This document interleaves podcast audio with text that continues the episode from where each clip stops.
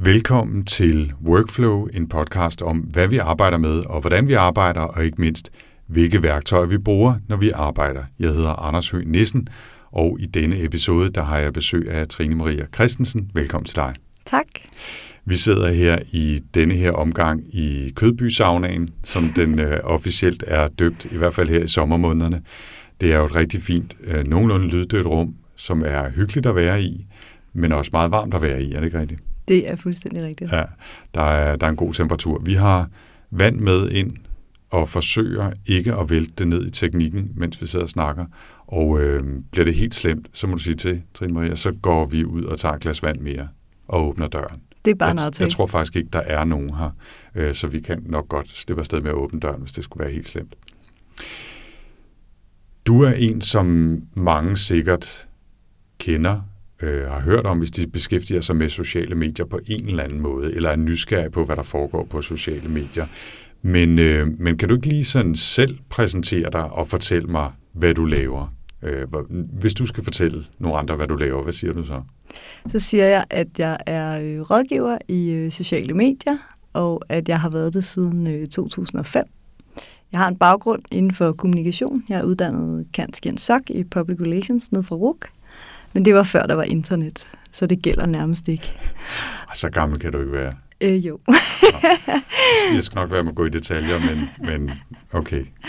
Og så, øh, og så fortæller jeg som regel, at jeg øh, arbejder med sociale medier i virksomheder, og at jeg øh, både laver sådan strategisk rådgivning, hvor jeg prøver at hjælpe virksomheder med at finde ud af, hvad kan man strategisk få ud af at bruge sociale medier.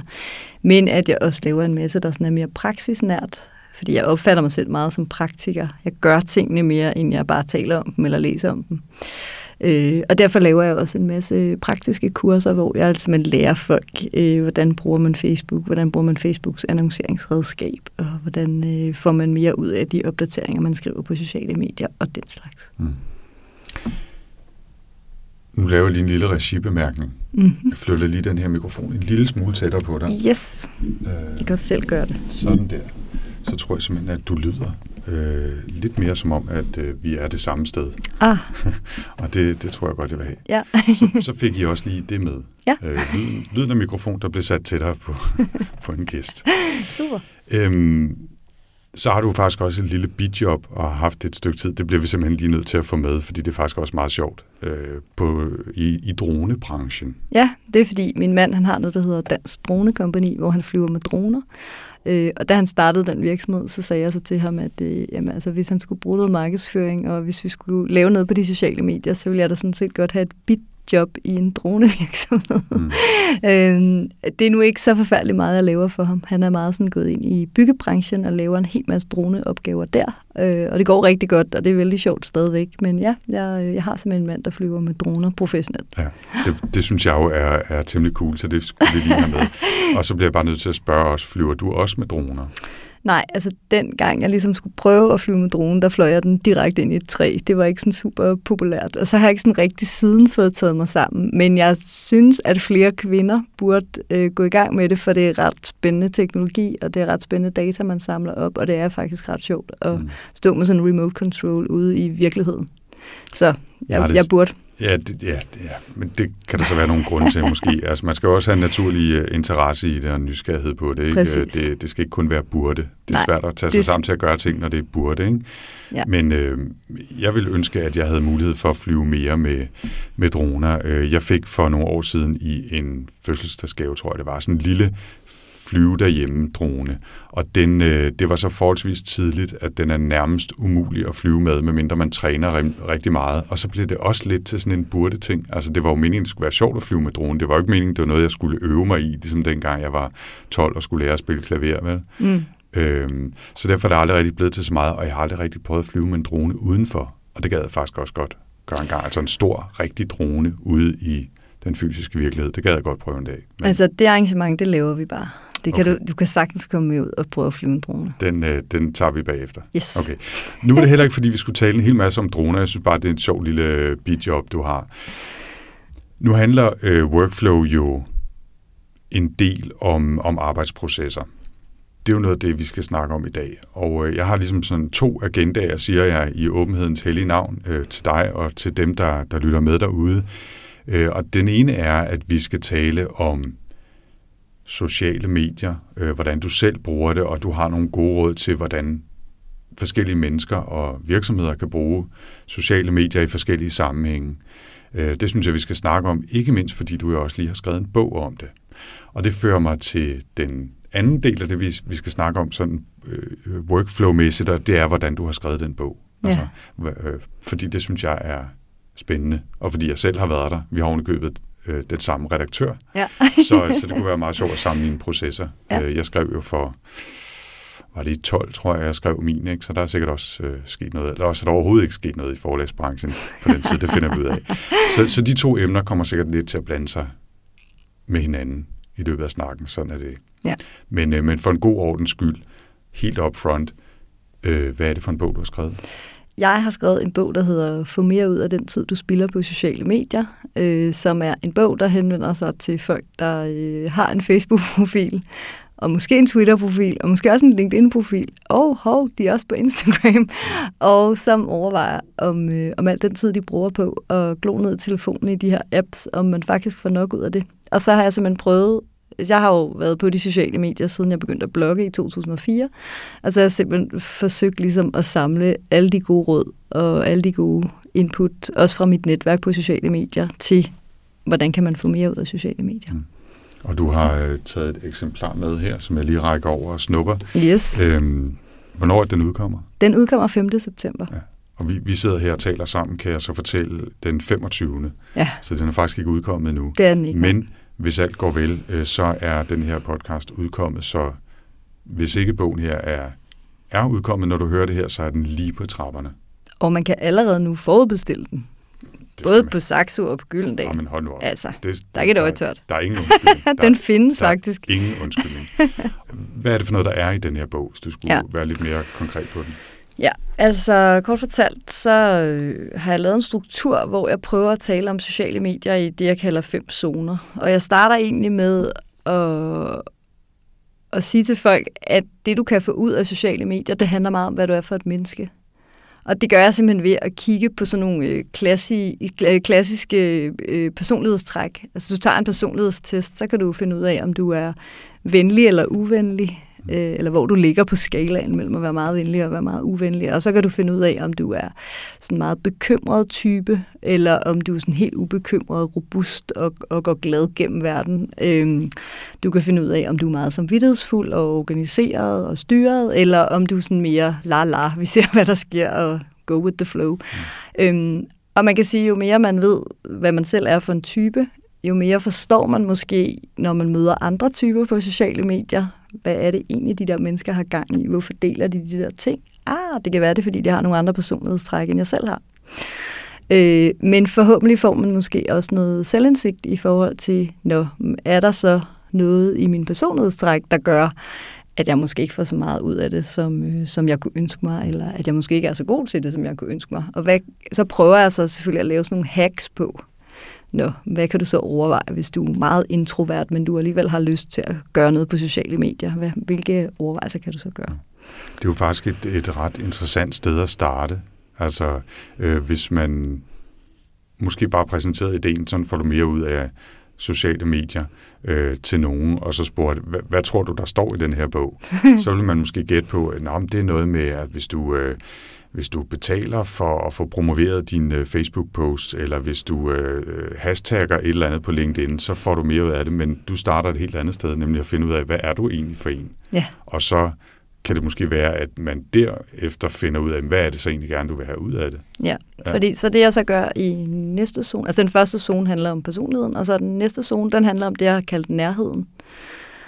Fordi øhm, det kan jo for eksempel være, at dine teenager ikke har arvet alle dine personlighedstræk. Det kan være, at de har nogle andre ting, som de synes er vigtige på sociale medier, eller de gerne vil. Det kan også være din mand, altså ham du er gift med, øh, eller bor sammen med. Det kan være, at øh, han har slet ikke samme trang til at udstille, hvordan der ser ud inde i jeres soveværelse, som du har, selvom at du synes, det er det vigtigste i hele verden, fordi din Instagram-profil jo er super vigtig. Øhm, og de der konflikter, der så ligger i nærheden, altså der, hvor at det er de nære relationer, dem prøver jeg så ligesom at have et kapitel, der handler om, jamen, øhm, måske skal vi bare snakke lidt mere om det. Måske skal vi øh, for det første anerkende, at vi er forskellige, og så for det andet prøve at finde ud af, når, hvordan finder vi så nogle måder at, at gøre tingene på hjemme hos os, eller i vores nære relationer, som gør, at vi får mere ud af sociale medier alle sammen, øh, og ikke måske har så mange sammenstød omkring det, som øh, det er min erfaring, at der i hvert fald er nogen, der, øh, der har. Så øh, i virkeligheden, altså fra, fra den helt nære, finde ud af, hvem du egentlig selv er, øh, og så til lige, okay, at tage næste øh, cirkel med, som ja. hedder dine nære. Ja, præcis. Øh, og også hele den der diskussion om, om sociale medier ødelægger dine nære relationer. Øhm, fordi at jeg tror, at hvis du omgiver folk, der er bekymret over, at du glor for meget ned i din telefon, så er der formodentlig noget, altså så er der formodentlig noget om snakken. Så er der i hvert fald en eller anden frustration hos dem. Og hvis ikke man får løst det, jamen så er det da ærgerligt, hvis det er det, der gør, at ens relation går i stykker. Fordi øh, så er det måske vigtigt, at man stiller sig selv spørgsmålet om, er det vigtigere for mig at kigge ned i min telefon, end at kigge ind i øjnene på den, jeg er sammen med. Mm. Øhm, så jeg prøver ligesom at tage nogle af de der lidt svære ting op, og, øh, og dels har jeg snakket med en hel masse mennesker og, og hørt, hvad deres øh, meninger er, men jeg har også selv nogle synspunkter på, hvad man så kan prøve at gøre. Ikke? Ja. Måske, og så, ja, ja, før vi går videre til mm-hmm. zone 3, øh, bare lige for at, at få det helt på plads, er det her til altså individer, privatindivider, eller er det til folk, der sidder i firmaer? Og skal... Nej, altså det er, det er helt klart en bog, der er skrevet til private mennesker mm. med social media profiler, som de selvfølgelig også bruger i deres arbejdsliv. Tingene smelter jo mere og mere sammen. Men jeg prøvede ligesom ikke at tage afsæt i øh, virksomheders interesse i at tjene en masse penge eller få en masse klik. Altså, den hedder ikke få mere ud af sociale medier på arbejdet eller i virksomheden. Den hedder få mere ud af den tid, du spilder på sociale medier. Mm. Så, ja, så. Det synes jeg bare lige skulle på plads også, ja, at, at det, er, det er udgangspunkt, og så kan man jo sagtens bruge de ting, man finder ud af om sig selv og, og sine nære, det kan jo måske også være kollegerne i virkeligheden, øh, på, på øh, sit firma-profil, hvis, hvis man har sådan en, eller sidder og bestyrer en eller anden konto et eller andet sted, tænker, der, der er sikkert nogle råd, der kan bruges på tværs. Ikke? Helt sikkert, og jeg har også en zone, som handler om faglighed. Den vender vi tilbage til så. Yes. Ja. Nej, ja. Det, er det den, vi er kommet til nu? Nej, det er Nej, det, det desværre ikke. Nej, nej, så godt passede det ikke sammen. Pokkers, jeg, jeg prøver, den zone, vi er kommet til nu, det er, at der er sådan udenom, udenom nærheden, og sådan de nære relationer og familierelationerne, så er der det, jeg har kaldt venligheden. Øhm, og det handler meget om, at min egen erfaring er, at øh, langt de fleste mennesker, man møder på sociale medier, faktisk er venlige. Altså de mennesker, man bliver venner med på Facebook, dem bliver man jo venner med, fordi man engang har haft det sjovt med dem i skolegården, eller på et studie, eller en anden arbejdsplads, man havde, eller man har det sjovt med dem til tennis, eller hvad det nu er, man laver. Mm. Øhm, og så, så derfor har jeg simpelthen en, en del af bogen, der handler om, jamen, hvor mange venner skal man egentlig have? Der er enormt stor forskel. Når man spørger ud i verden, hvor mange venner skal man have, så, så altså svarene de spænder fra folk, der slet ikke forstår, hvorfor man vil være venner med nogen, man ikke i forvejen har en god relation til. Og så til folk, der synes, at man skal bare være venner med alle, fordi at jo flere venner man har, jo bedre er det jo, og jo sjovere er det, og jo større sandsynlighed er der for, at man oplever noget spændende, når man øh, er på de sociale medier. Og det prøver jeg så på en eller anden måde at, øh, at, at skrive noget om, og så have noget respekt for, at der er nogle mennesker, der bruger sociale medier på en anden måde, end man selv gør og man skal ikke blive ked af det, hvis der er nogen, der ikke vil være venner med en. Det kan være, det simpelthen er, fordi de har truffet nogle beslutninger om, hvad de gerne vil med de sociale medier, som ikke er fuldstændig med til, hvad, hvad du gerne vil.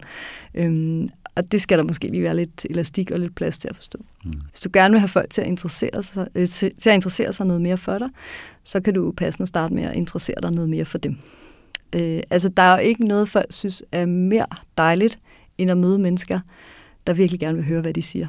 Øhm, og noget af det, jeg synes, der er for lidt af på de sociale medier, øh, og som fungerer enormt godt på de sociale medier, det er faktisk, at man slår lyttebøfferne ud og hører, hvad de andre siger. Og at man måske stiller lidt flere spørgsmål, i stedet for altid at tro, at det handler om at have alle svarene. Mm. Så det handler ligesom det der afsnit om venligheden om. Øhm, og så er der så en fjerde zone, som hedder fagligheden, som handler om arbejdslivet Øh, bruger man sociale medier i din branche? Øh, er det muligt for dig ligesom at finde dine fagfælder og få svar på en hel masse faglige spørgsmål via sociale medier? Eller skal du måske være den, der starter det i din branche, fordi der er ikke rigtig nogen, der er kommet i gang endnu? Øhm, altså der er jo også hele det der med, sådan, om, hvor meget bliver det så blandet sammen. Altså det er rigtig svært, især fordi, at der i flere og flere brancher og sektorer er sådan en stigende tendens til, at man begynder også at bruge Facebook til arbejde. Så man har Facebook-grupper, øh, som er sådan brancherelateret, hvor man så sidder og snakker om faglige ting. Så bliver det mere og mere svært for folk det der med, nu, hmm, hvor mange feriebilleder skal jeg så dele på min private profil, og skal jeg så også blive venner med de der mennesker, som jeg er i gruppe med? Hvordan får jeg ligesom selekteret lidt i, hvornår er jeg privat øh, eller personlig, og hvornår er jeg faktisk øh, den her fagperson, som gerne vil tages alvorligt. Øh, så det prøver jeg også ligesom i den del af bogen at gøre nogle gør mig nogle overvejelser om, eller, eller give folk nogle tips til, hvordan de kan gøre sig nogle ja. overvejelser om det. Hvis jeg ellers har talt rigtigt, så mangler vi en zone, kan det være ja. rigtigt? og ja. det er selvfølgelig offentligheden. Fordi at øh, udenom alt det her, der ligger jo den store stykke offentlighed. Og når man læser overskrifter om, at folk raser på de sociale medier, eller øh, de sociale medier er fyldt med shitstorms og sådan noget, mm. så, øh, så er det jo meget ofte der, hvor man kommer ud steder på de sociale medier, hvor man møder folk, man slet ikke kender. Altså, de er ikke nære venner, og det er heller ikke venlige mennesker, og det er heller ikke nødvendigvis folk, man er kollegaer med, eller har et eller andet arbejdsfællesskab med. Det er bare sådan andre mennesker, der også gerne vil diskutere, om kongehuset skal bestå eller ej, under en artikel på Ekstrabladets Facebook-side. Ikke? Mm-hmm. Og der stiller jeg så nogle spørgsmål omkring, hvad får man egentlig ud af at deltage i den offentlige debat? Og der prøver jeg både ligesom at være sådan kritisk over for for eksempel mediernes rolle, Altså, øhm, rigtig mange medier, de vil jo rigtig gerne have debat, og de lægger meget op til debat, når de deler noget på Facebook for eksempel. Men det er mit indtryk, at det er meget få medier, der faktisk samler op på den debat og bruger de kommentarer, som vi skriver som læsere til noget.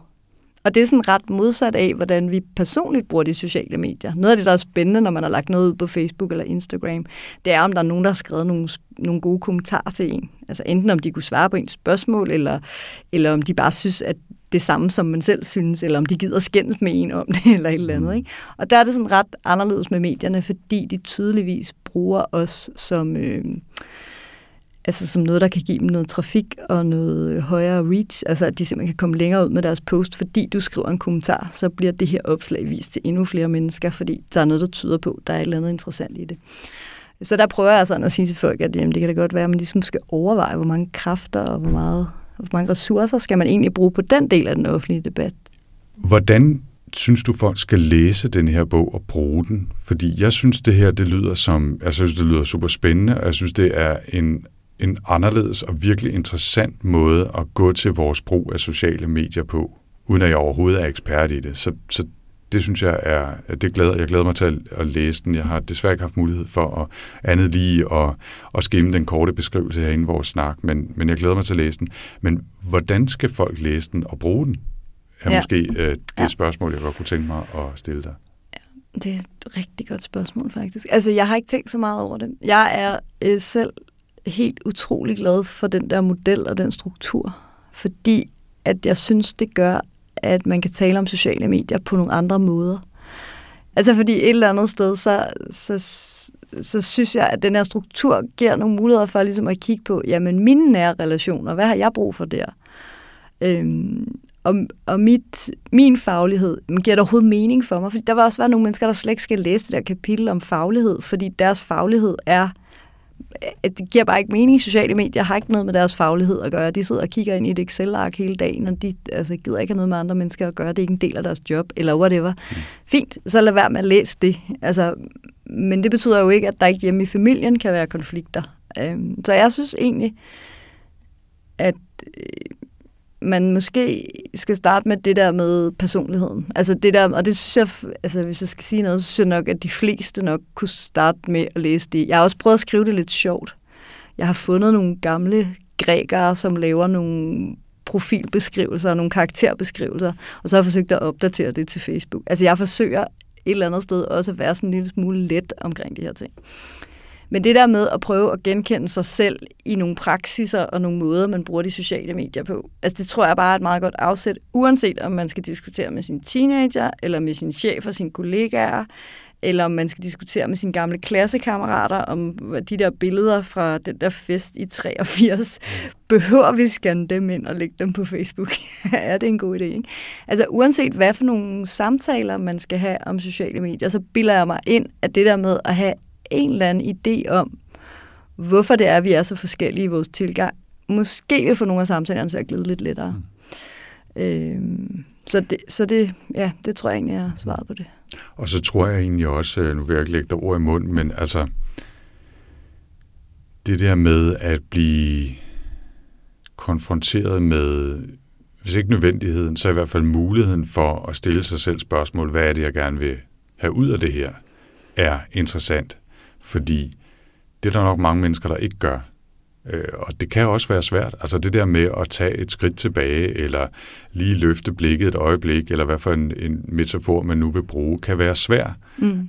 når man ser på noget, der er så integreret i ens hverdag. Mm. Og øh, det kan jo også bare være noget så banalt som, øh, hvad ved jeg, at se, se film, eller læse bøger, eller gå en tur. Hvad vil du gerne have ud af det? Det ved jeg ikke. Jeg kan bare godt lide at gå en tur, eller læse bøger, eller et eller andet. Altså, og det er også fint nok, men nogle gange kan det bare være vigtigt, især måske med noget, som på så relativt kort tid er kommet til at fylde så meget i vores hverdag, og vores samfund, og vores relationer, at man træder et skridt tilbage og spørger, hvad er det egentlig, vi vil have ud af det? Mm. Og det kan godt være, at vi vil have noget af det. Det kan godt være, at vores konklusion bliver, jamen det er fantastisk, øh, det vil jeg blive ved med at bruge, vi skal bare bruge mere af det. Mm. Men så har man i hvert fald stillet sig selv spørgsmål og gjort sig klart, at nu er jeg blevet bevidst om, at det er det, der Præcis. Præcis. Og det er et eller andet sted også min pointe er også lidt, at hvorfor jeg, så, jeg, jeg kan godt afsløre her, at jeg starter ligesom bogen med at skrive, at jamen, jeg synes ikke, sociale medier er spillertid. Det er ikke spillertid. For mig er det arbejdstid rigtig meget af det. Og sådan noget. Jeg, jeg spilder ikke tiden. Mm. Så hvorfor har jeg så skrevet en bog med den undertitel, at få mere ud af den tid, du spiller? Jamen, det er fordi folk de hele tiden siger til mig, at de enten selv synes, de spiller tiden, eller de synes, nogle andre spiller tiden. Eller, og, og jeg medgiver gerne, at, at den der diskussion af, hvad er det så, man får ud af den tid, man bruger? Men hvis man synes, man får noget ud af det, altså man får noget, en masse ud af det fagligt, eller man får en masse ud af det i forhold til at få sig nogle nye venner og indgå i nogle nye fællesskaber, så er det jo genialt, og så er der jo ikke nogen grund til at skrue ned for noget. Der, hvor problemet opstår, det er jo der, hvor at man har nogle børn, som synes, de aldrig rigtig kan få fat i en, fordi man altid sidder og kigger ned i noget andet.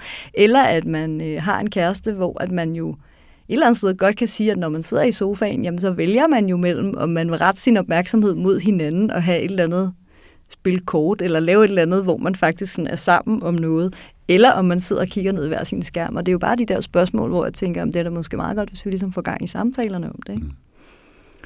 For nu lige at tage et, øh, et andet take ind på det. Øhm, hvordan bruger du selv det, det, altså det spørgsmål får du sikkert hver eneste gang, men, ja. men, øh, men det er jo lidt interessant her, fordi det er jo også en proces, gætter jeg på, som du har været igennem. Mm. Både i de, hvad, 14 år eller noget af den stil, du efterhånden har været på noget, man kunne kalde sociale medier, og så også i forbindelse med bogen her. Mm. Altså en proces, du selv har været igennem. Mm. Så nu sagde du selv, det, det føles lidt som arbejde, men der er forhåbentlig også noget, noget nydelse i det arbejde, så, eller Masser. nogle andre ting øh, ved siden af. Ja. Masser. Altså jeg... Øh... Hvilke, hvilke øh, kan jeg starte med at spørge, hvilke platform er du på og bruger sådan jævnligt? Jamen, jeg er på dem alle sammen. Dem alle sammen. Altså, nej, men altså man kan sige, hvad bruger jeg mest? Jeg bruger øh, Twitter rigtig meget, bruger Facebook rigtig meget, bruger LinkedIn mere og mere, synes jeg faktisk. Øh, så er jeg også på Instagram, men jeg er ikke så visuel, så derfor så... Øh, Jamen, det ved jeg ikke. Det, det, er ikke, det har ikke samme magnetiske effekt på mig, som, det, altså som, som Facebook og, og Twitter har. Øhm, Snapchat? Og, ja, men altså, jeg har faktisk både lært at, øh, at snappe og også bruge øh, Musical.ly øh, af nogle børn, jeg kender. Øh, men jeg, det er helt sikkert ikke øh, nogen af de to, der ligesom sådan tager min tid. Nu, nu tror jeg ikke, der er sindssygt mange rigtig unge mennesker, der lytter workflow, som Musical.ly er måske ja. et af dem, som man lige skal have forklaret. Bare lige parentetisk. Ja, men det er øh, et socialt medie, hvor de unge mennesker, de laver øh, videoer, hvor de mimer til sange, og hvor de laver øh, små videoer, hvor de danser, og altså, de underholder simpelthen hinanden. Og det er meget kreativt, synes jeg, og det er faktisk, jeg synes faktisk, det er ret sjovt. Så hvis man har sådan et, et ungt, man skal helst have et ungt menneske til at forklare en det. Altså det er sådan ret svært at, for voksne bare at åbne det og gå i gang med det. Men altså find en eller anden pige på mellem 9 og 14, som er storbror, og så få en rigtig god gennemgang gang af det. Nej.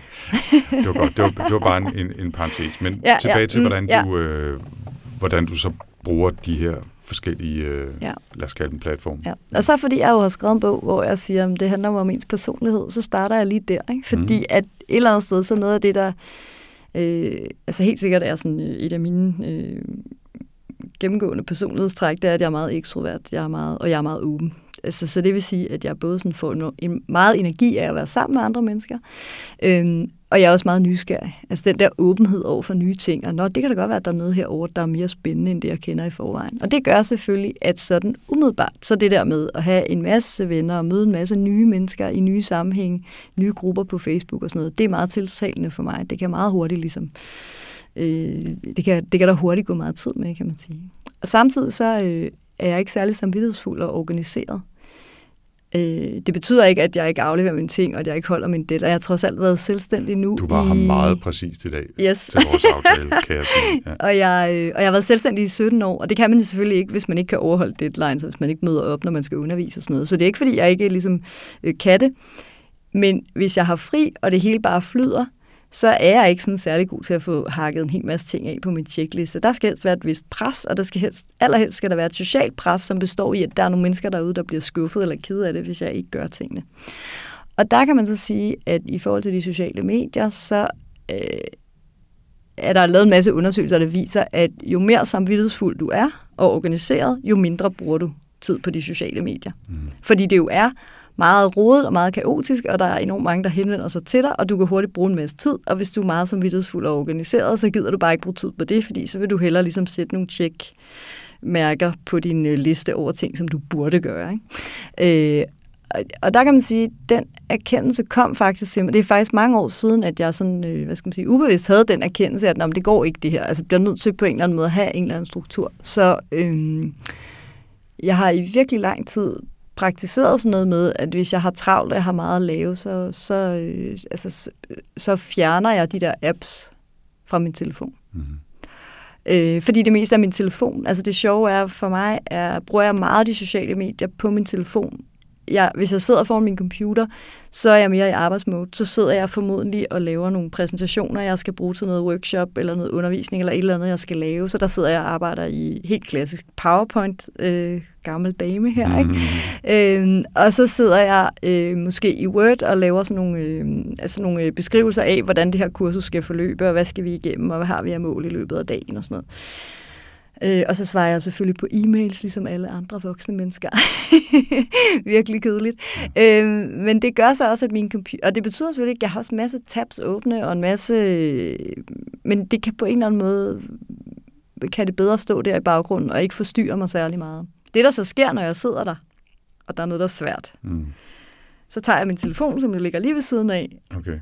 Og der er det så, at hvis appsene er væk, så kommer jeg i tanke om, at når det er faktisk med vilje, de ikke er der. Det er faktisk med vilje, det der store F der til Facebook, det ikke er her. Det er faktisk fordi, du skal lægge den ned igen, og så skal du lave det her, selvom det er svært. Ikke? Så på den måde har jeg i overvis ligesom snydt mig selv til at, at ikke bruge alt for meget tid på det der Facebook-ting, når jeg ikke har tid til det. Men jeg vil gerne indrømme, at jeg bruger meget tid på det, og jeg får også enormt meget. Altså jeg har 180 mennesker, der har meldt sig ind i en Facebook-gruppe, som har hjulpet mig med at skrive bogen. Det skal vi helt klart snakke mere om, ja. Altså, så, så på den måde kan man også sige, at, at, at der er en masse ting i mit arbejde, også i forhold til, hvis jeg skal ud til en kunde og skal lave et eller andet, og mangler et godt eksempel på noget, jamen så spørger jeg på Twitter, og så går jeg ud og laver en kop kaffe, og når jeg så kommer tilbage, så er der otte mennesker, der har et forslag, eller nogen har sendt mig en DM med et link til noget, de mener, jeg kan bruge til det. Og sådan noget. Altså jeg får løst enormt mange problemer og udfordringer med mit arbejde ved at have mit sociale netværk øh, med mig hele tiden. Øhm, så, så min arbejdsproces er meget, øh, at jeg meget sådan er åben over for at bruge mit netværk til mm. at, at hive ting. Og, jeg, og der kan man også sige, at der har jeg så også for mange, mange år siden gjort mig den erkendelse, at hvis jeg skal kunne hive i folk, som er meget vidende og meget dygtige og meget travle, så kræver det altså også, at jeg bruger noget tid på at svare, når de spørger om noget, og at jeg gør mig den øh, ulejlighed ligesom at, at finde nogle svar til dem, når jeg lige ved, at jeg ved lige, hvad det er, han har brug for det, vent lige lidt, jeg skal lige finde det, ikke? og så bruger jeg jo fem minutter på at google og lede og finde, og så, hey, her er den, jeg tror, det er den her, du leder efter. Ikke?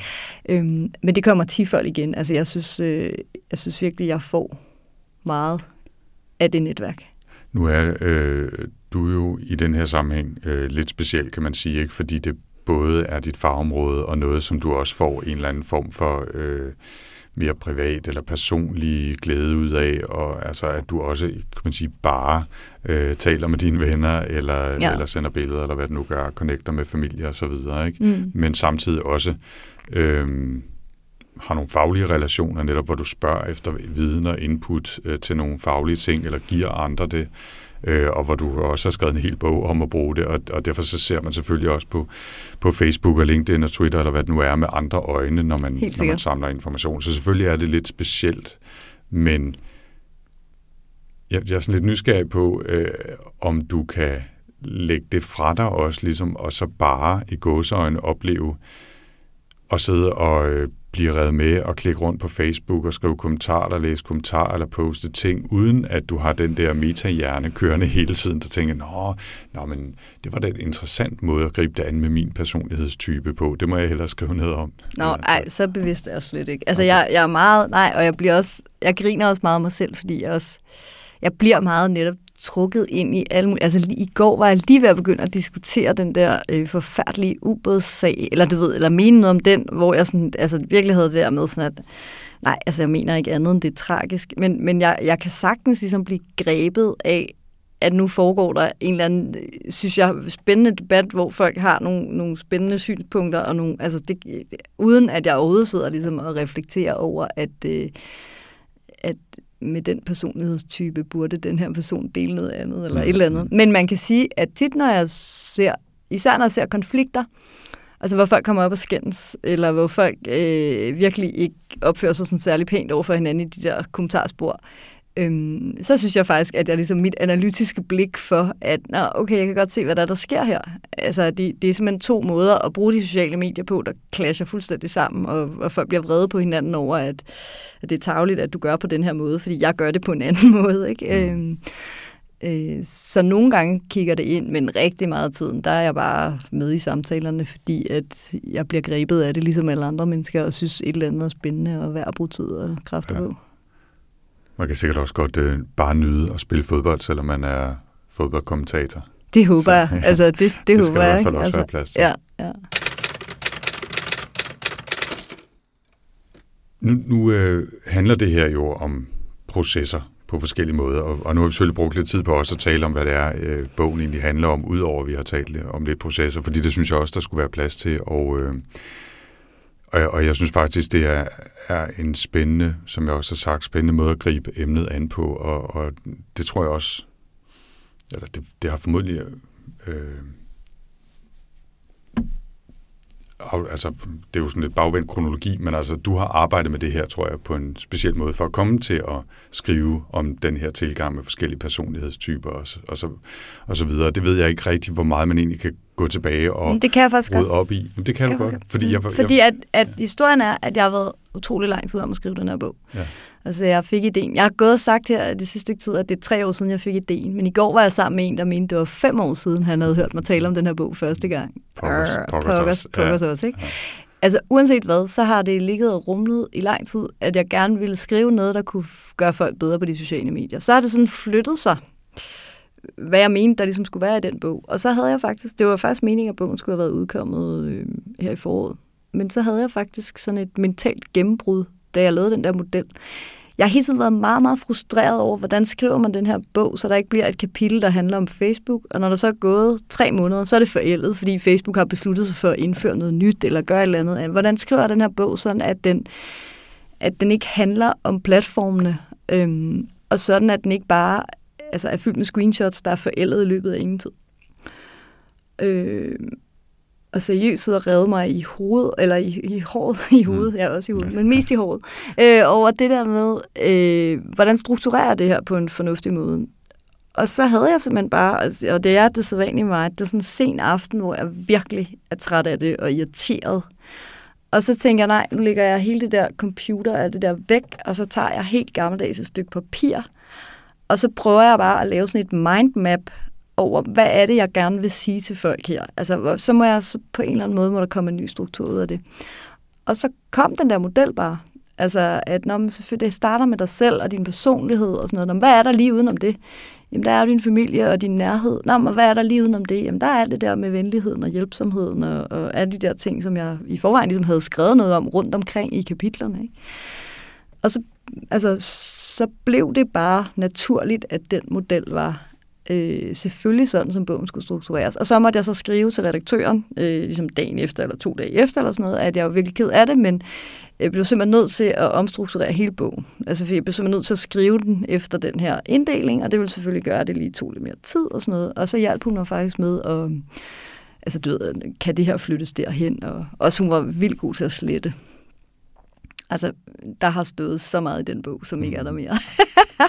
og det har virkelig været godt, ikke? Fordi det er sådan, jeg synes, den står mere skarp nu, øh, end den gjorde, øh, da jeg startede på det. Ikke? Så det hvor hvor langt var du nået, da du gjorde dig den erkendelse? Jamen, jeg havde, øh, tror jeg, øh, altså sådan noget 95 procent altså, og jeg havde sådan, øh, du ved, otte kapitler, og jeg havde egentlig også sådan en, altså ligesom en godkendt synops fra, fra, fra forlaget på, at jamen, så, så er det det her, det hedder, og det er de her kapitler, der er, og sådan noget, ikke? Og så, og så synes vi nok bare, altså både redaktøren og mig, at, og så har jeg en veninde, øh, det hedder Sisse Ramholdt, som, øh, som har hjulpet mig helt utrolig meget med den her bogproces. Og, også, altså, og hun var også enig i det der med, at den er bare lidt gumpetung. Altså, der er bare nogle steder, hvor det ikke hænger sammen. Og da den her model så ligesom kom til mig, altså sådan føles det virkelig sådan, som om, at Nå ja, selvfølgelig, det er da sådan, det skal gøres.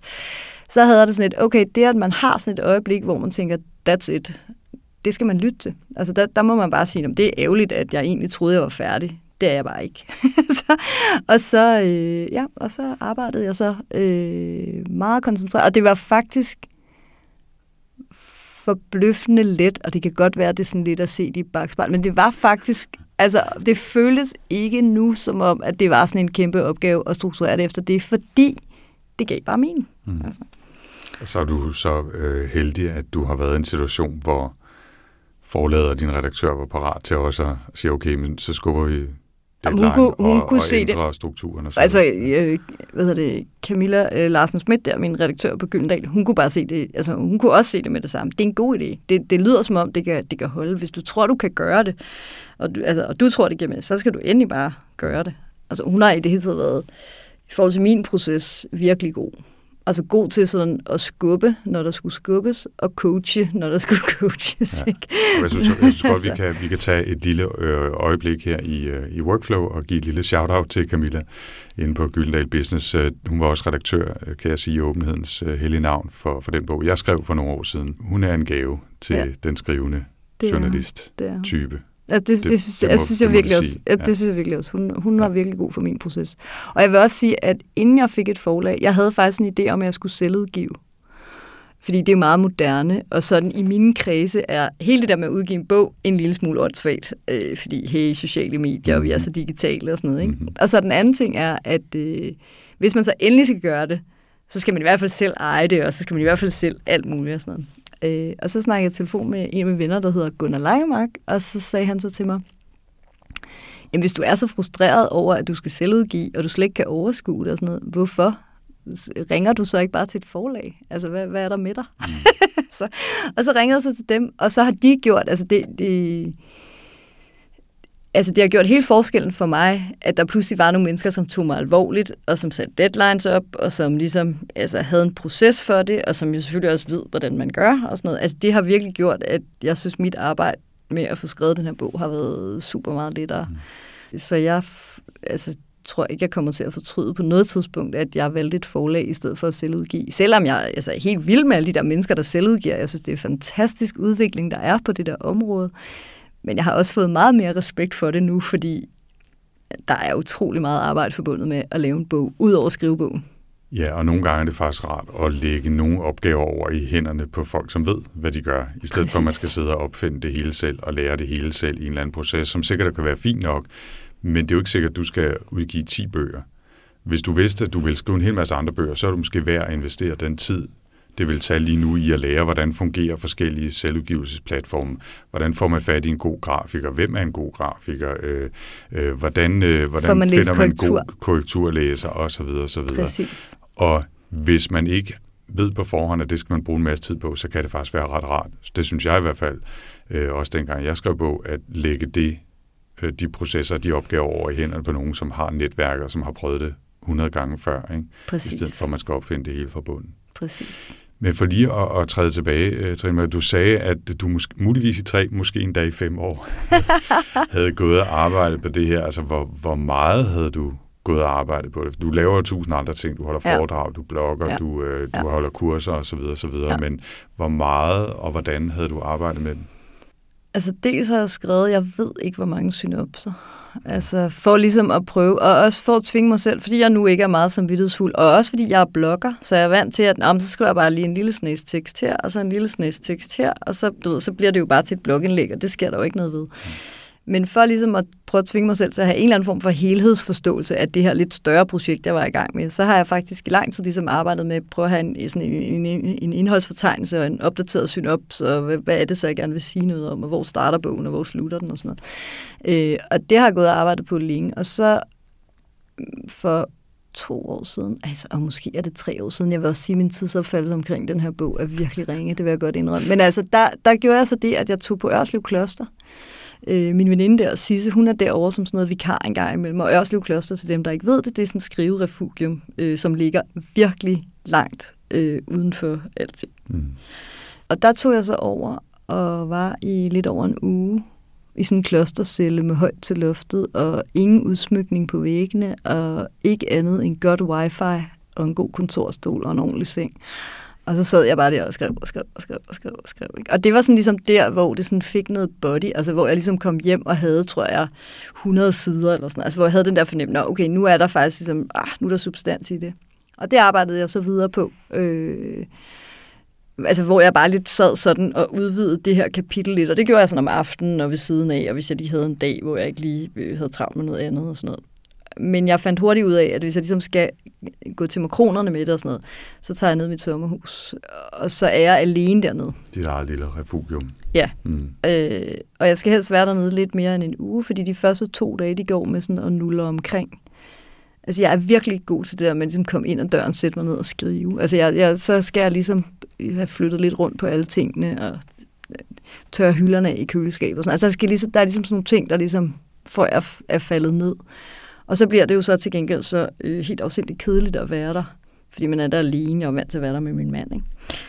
Og så er det bare helt vildt kedeligt, og så, øh, så er der jo ikke andet at lave, og så er det bare at gå i gang. Mm. Og, så, altså, og så har jeg virkelig sådan nogle sprints, hvor altså, spiser jeg makralmad, og, øh, og sådan nogle øh, Øh, sådan noget øh, broccoli-gratin, der skal have 45 minutter i ovnen. Altså sådan noget virkelig kedelig mad, og, øh, og ikke andet. Og så øhm, for ikke at blive forstyrret af, at ligesom skulle stå og stege og brase og sådan noget. Og så, øh, og så laver jeg faktisk ikke andet. Så skriver jeg bare og går i seng klokken 3 om natten, og står op igen klokken... Altså nogle dage står jeg virkelig op sådan noget klokken 7-8 stykker igen, og vågnede bare og var, nå ja, det her, det skal lige, det skal lige være sådan her. Og sådan noget, ikke? Der, det kan jeg virkelig godt lide, den der flow-tilstand over flere dage. Det er ja. virkelig fedt.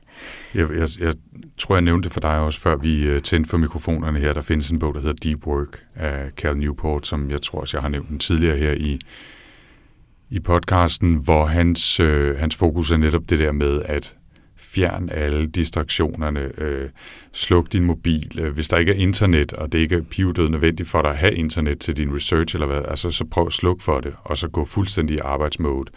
Og for nogle mennesker, så er det et refugium, altså hvor man gør det måske øh, to uger eller fire uger om året, hvis man har mulighed for det. For andre, så er det 45 minutter hver morgen i hverdagen, eller ja. tre timer hver søndag eftermiddag. Man kan gå i den der deep work-tilstand, hvor man virkelig forsøger at fokusere på én ting, og ikke lade sig distrahere af alt muligt. Og det er interessant at høre, at, øh, at du har lidt valgt sommer, sommerhusmodellen til de store stræk. Ja. Altså når der virkelig skal skrives noget, så er, det et, så er det et refugium, så tager du væk og går i skrive, skrivekloster. Ikke? Ja.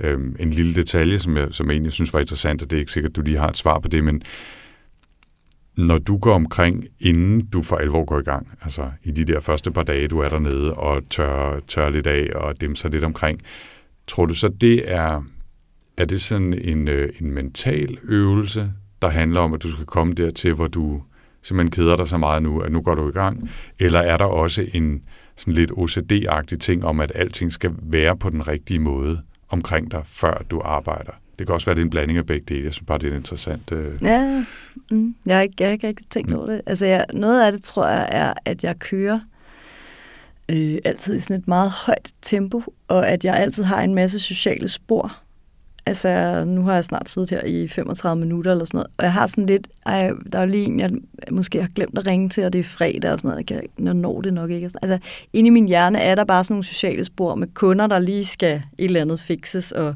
jeg lovede også at sende noget til, og dyt, dyt, dyt, dyt. Og der tror jeg bare, at det altså lige tager et par dage før, at jeg ligesom har rystet det af mig. At der er ikke noget andet, jeg skal. Altså det, det ligger ikke og mudder inde i mit hoved, at jeg også skal huske at ringe til Anders Høgh Nielsen, fordi vi skal lave det der podcast mm. på fredag, og så skal jeg lige finde ud af og sådan noget. Øhm, så det tror jeg faktisk sådan noget med ligesom en eller anden form for sluk for de sociale strømme. Det er simpelthen ikke nok bare at afbryde øh, wifi eller, eller, eller fjerne de der apps. Der er også et eller andet inde i hovedet, der ligesom du, skal... Du skal have det helt ud af kroppen. Du skal afgiftes ja. for sociale ja. medier og relationer og andre pligter, før du sådan for alvor kan koncentrere ja. dig om at... Ja, og den der følelse ja. af tilgængelighed.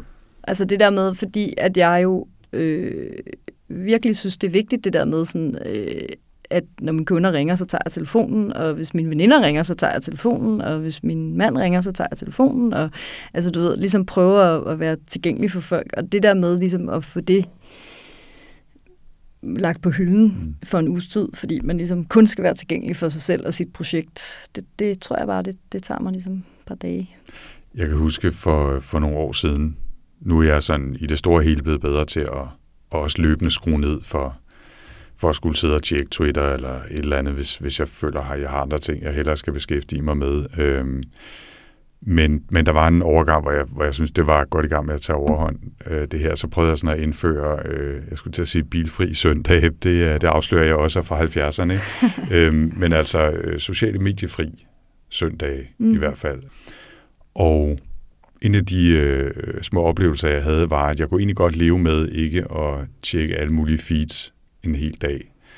Men jeg synes, det var svært ikke selv at kunne bidrage. Altså, ja. øhm, og, og det er jo sådan lidt øh, fjollet, fordi på den ene side, så kunne man være venlig og tage det som et udtryk for, at, at jeg har en eller anden form for behov for at udtrykke mig. Jeg er kreativt menneske, som gerne vil dele, og se et flot billede, jeg har taget, det vil jeg gerne dele med og sådan noget. Men den lidt mindre venlige er jo, at jeg bilder mig ind, at der overhovedet er nogen som helst mennesker i hele verden, der er, altså har opdaget, at jeg ikke var på hele søndagen. Og at, øh, altså, Dit bidrag at, er savnet? Øh, det, det er nok at, at trutte lidt for meget mit eget horn. Ikke? Altså at tro, at der er nogen, der overhovedet har lagt mærke til, at jeg ikke er der.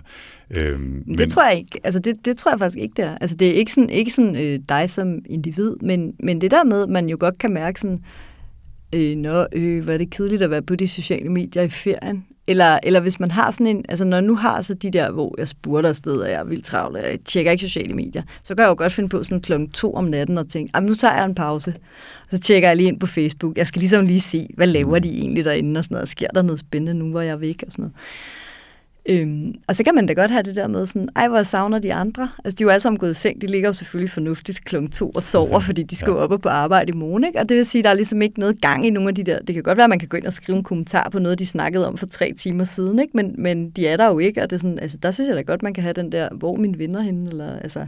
Jeg synes, og det vil jeg også lige skynde mig lidt at sige til dem, der lytter. Jeg synes ikke, vi alle sammen skal holde op med at bruge sociale medier, så bliver det helt vildt kedeligt jo. det bliver ikke noget at skrive bøger om. Nej. det, det minder mig en lille smule om, og nu skal jeg nok snart holde kæft, ikke? men altså, det minder mig en lille smule om dengang jeg for 27 år siden, tror jeg det var, øh, plus det løse, øh, rejse jorden rundt, og det var dengang, før der var noget, der hed World Wide Web for alvor, og jeg havde ikke nogen e-mailadresser, og øh, jeg fik et brev en gang om måneden på et eller andet postkontor i, i New Delhi eller Jakarta eller et eller andet, og så kunne jeg sende noget luftpost hjem. Ikke?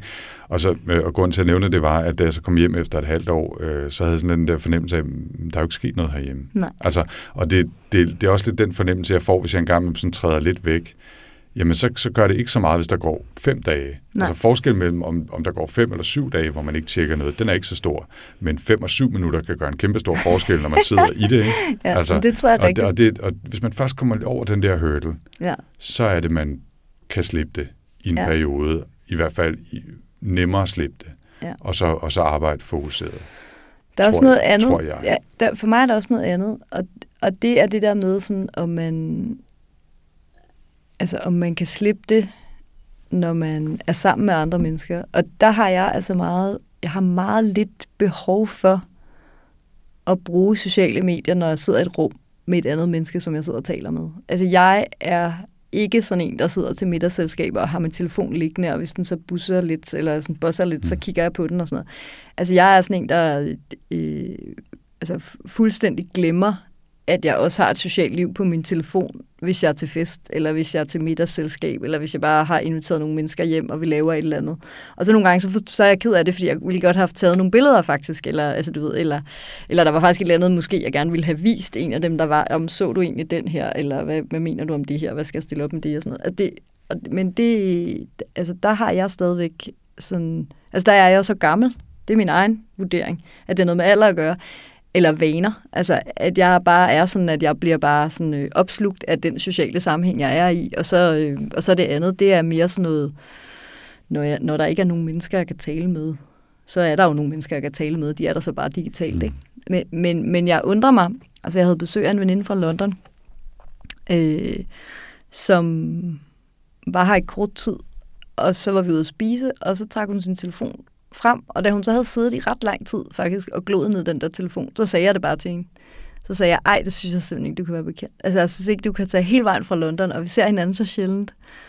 Og så sidde og kigge ned i din telefon for at være sammen med nogle andre venner. Altså, det gider jeg ikke. Og så var hun sådan, nej, hun havde slet ikke tænkt over det. det for hende var det bare sådan en refleks.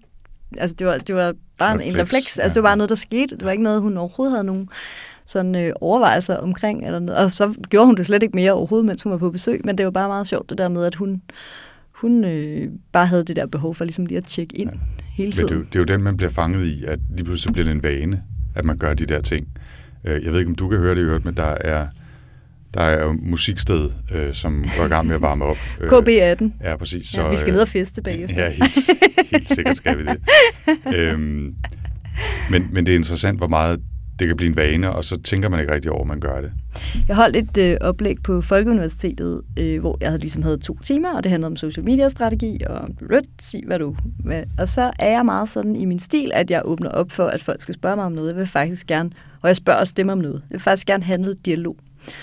Og så var der en, der i pausen kom op og sagde, kan du ikke holde op med det? Fordi du ved så meget. Det er meget bedre, hvis du bare taler i de her to timer, vi har sammen, fordi øh, så får vi så meget ud af det som overhovedet muligt. Og så må jeg bare sige til hende, efter lige at have tænkt over det et kort øjeblik, at nej, det kan jeg faktisk ikke. For jeg har brug for, at jeg kan mærke, at der er mennesker i rummet, som hører, hvad jeg siger, og resonerer over det, og som meget gerne ligesom må sige mig imod, eller mene noget andet, eller sådan. Altså, det er min undervisningsform og min interaktionsform. Og det gør også, at jeg er nødt til at sige til de studerende, hvis de alle sammen sidder med deres computer åbne, og deres telefoner, og glor ned i dem, at så er jeg en dårligere underviser.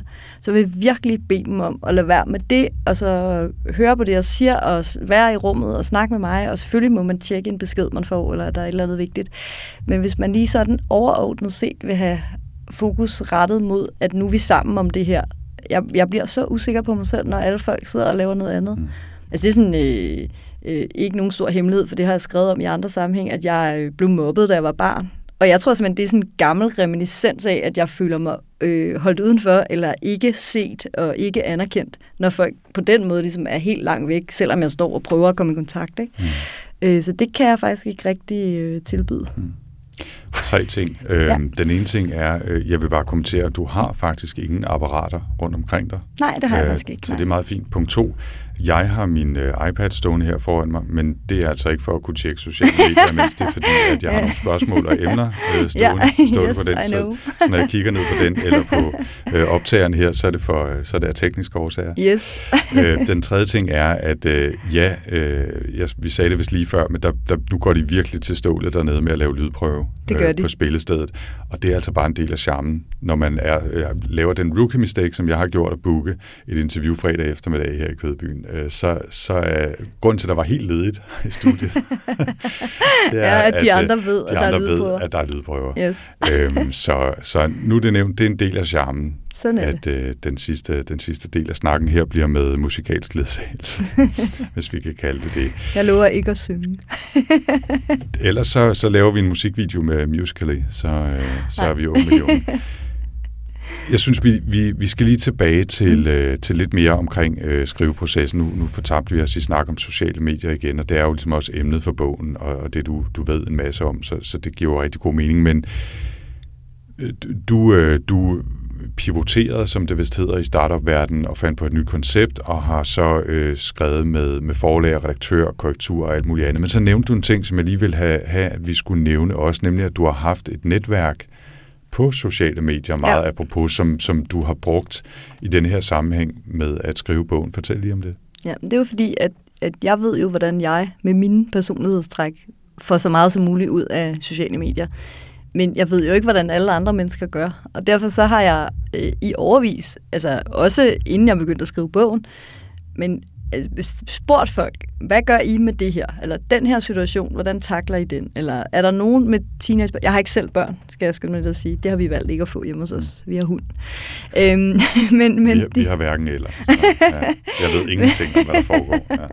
men det gør så også, at, at øh, så er der masser af ting, hvor så bliver jeg ligesom nødt til at spørge, Nå, hvad gør I med det der? Eller hvad gør I med det der? Eller hvad, øh, jeg har brug for nogle eksempler på nogen, der har alt muligt. Og folk har jo bare været så sindssygt venlige og gavmilde med deres eksempler. Jeg har de vildeste historier med i den bog.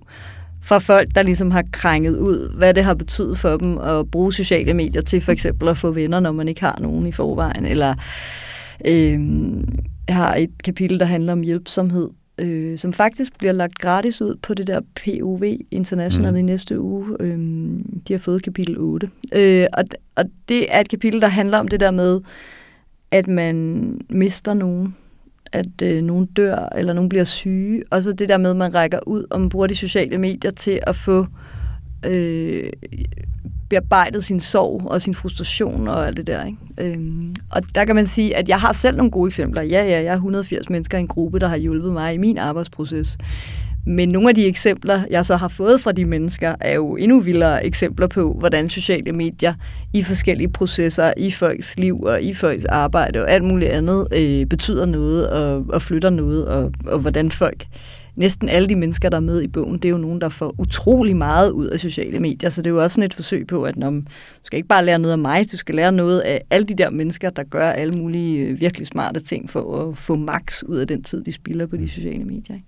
Så det har lidt været et kollektivt projekt også, selvom det, at dig der selvfølgelig har været den store kaptajn. Men, men Altså det var i hvert fald overhovedet ikke blevet den samme bog, hvis jeg ikke havde de venner og det netværk, jeg har på sociale medier. Fordi at, at jeg synes, jeg har fået enormt mange nuancer, og jeg synes utrolig meget af min... Altså også en skråsikkerhed omkring... Øh, jamen kan man overhovedet have øh, nære relationer, der kun foregår på sociale medier? Jeg var meget sådan sikker på, at det kunne man ikke, indtil det strømmede ind med beretninger for folk, der er meget introverte eller generte, mm. eller som bare har en fortælling i deres liv, der gør, at det simpelthen er svært for dem at sidde fysisk i et rum med andre. Man kan bo langt væk, eller man kan også bare ikke synes, det er særlig rart at skulle smalltalke og skulle sidde der med øjenkontakt, men have en oplevelse af, at man dybfølt har venskaber med folk, som er der for en, og som har ens ryg, og som hjælper en, når man er nede på de sociale medier der var jeg jo bare nødt til at revidere min egen opfattelse af, hvad har jeg brug for som ekstrovert person, der bare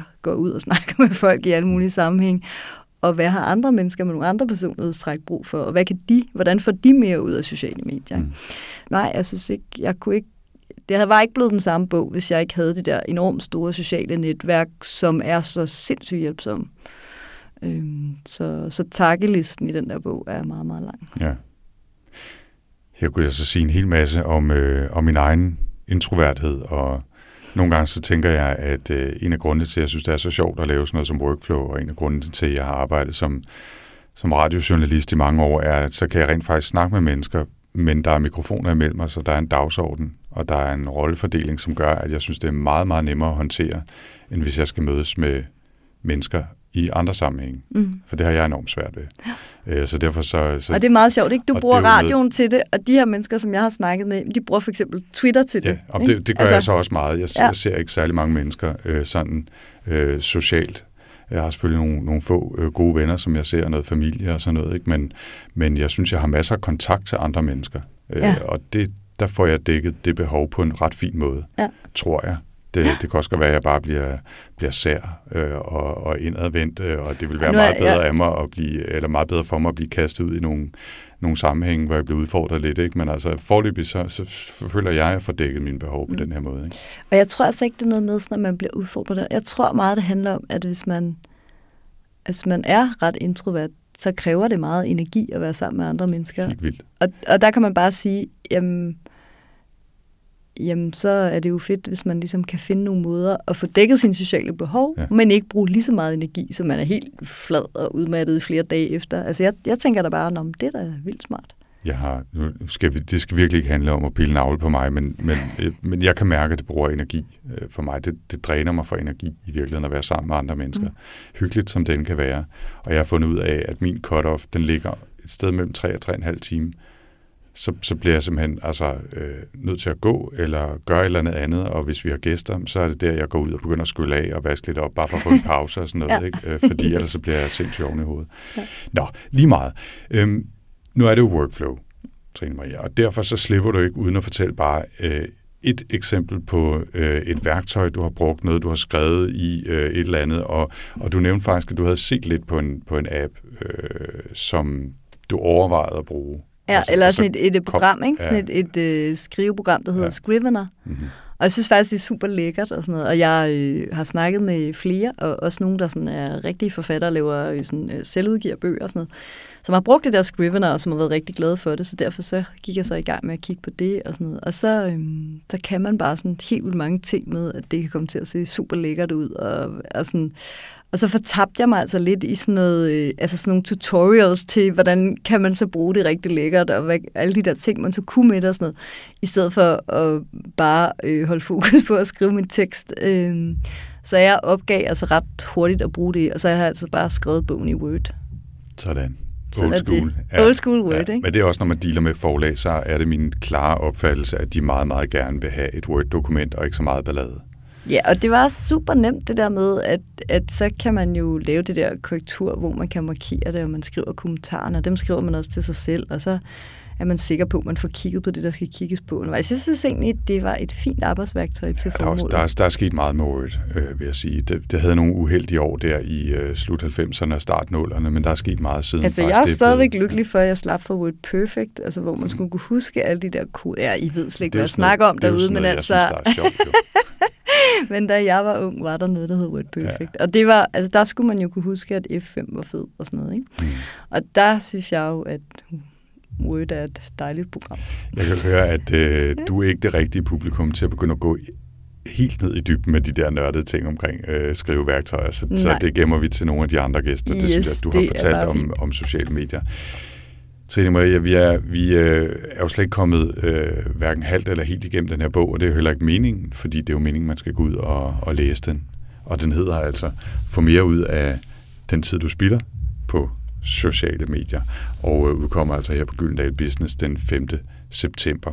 Men du slipper ikke helt endnu, fordi øh, gæsterne skal jo altid komme med tre tips og nu er du faktisk, øh, jeg kender jo det første tip, og det har du allerede sådan teaset lidt for tidligere, men, men giv mig lige øh, dit, øh, dit første tip. Eller, ja, mit lad... første tip, det er, at hvis man har travlt, og man virkelig gerne vil ikke spille tiden på de sociale medier, så skal man bare slette sine apps.